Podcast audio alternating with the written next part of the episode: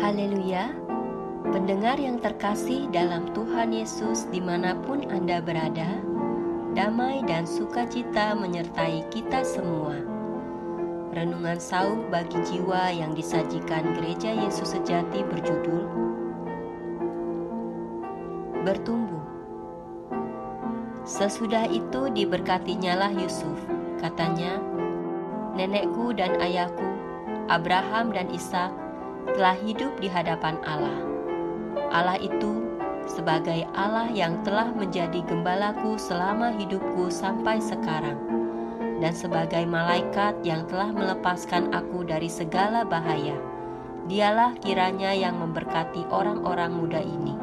Kitab Kejadian pasal 48 ayat 15 sampai 16.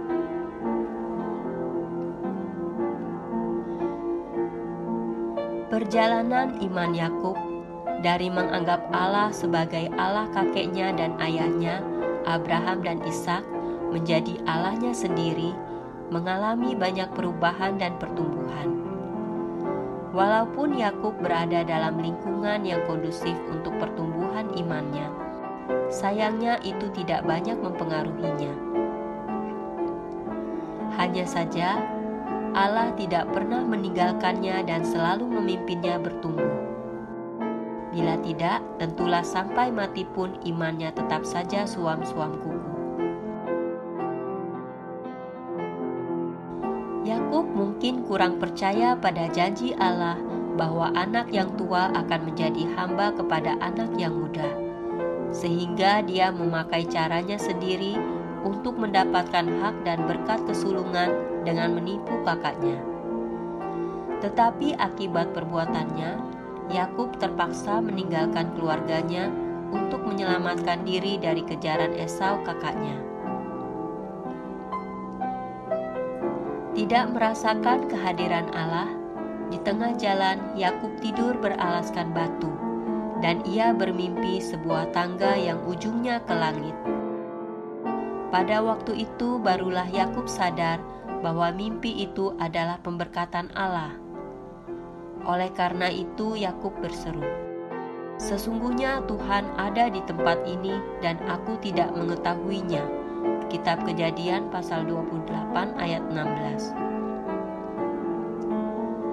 Pada waktu itu Yakub belum memiliki iman yang baik. Tidak tahu bahwa segala miliknya adalah oleh karena berkat Allah.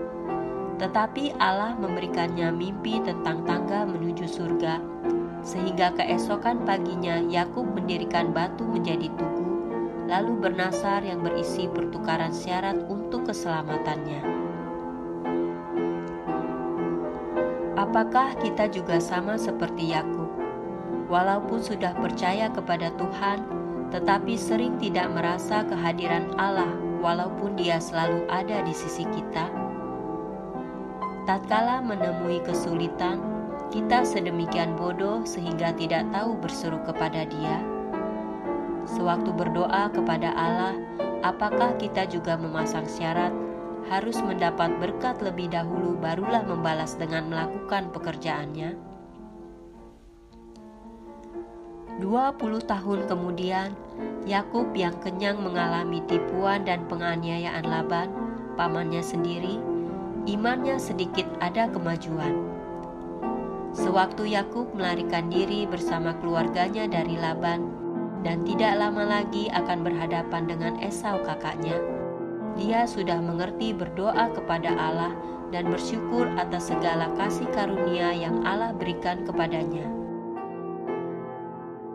Yakub bersyukur mengatakan, dia membawa hanya tongkat waktu menyeberangi sungai Yordan tetapi sekarang telah menjadi dua pasukan.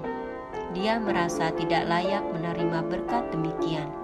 Kitab Kejadian pasal 32 ayat 10. Yakub banyak mengalami peristiwa besar dalam hidupnya. Terlebih setelah dia bertemu lagi dengan Yusuf, anak yang paling dia kasihi dan yang sempat hilang, dan yang menyediakan hari tuanya dalam kecukupan. Saat itu Yakub sudah pasti lebih mengenal dan lebih bersyukur kepada Allah.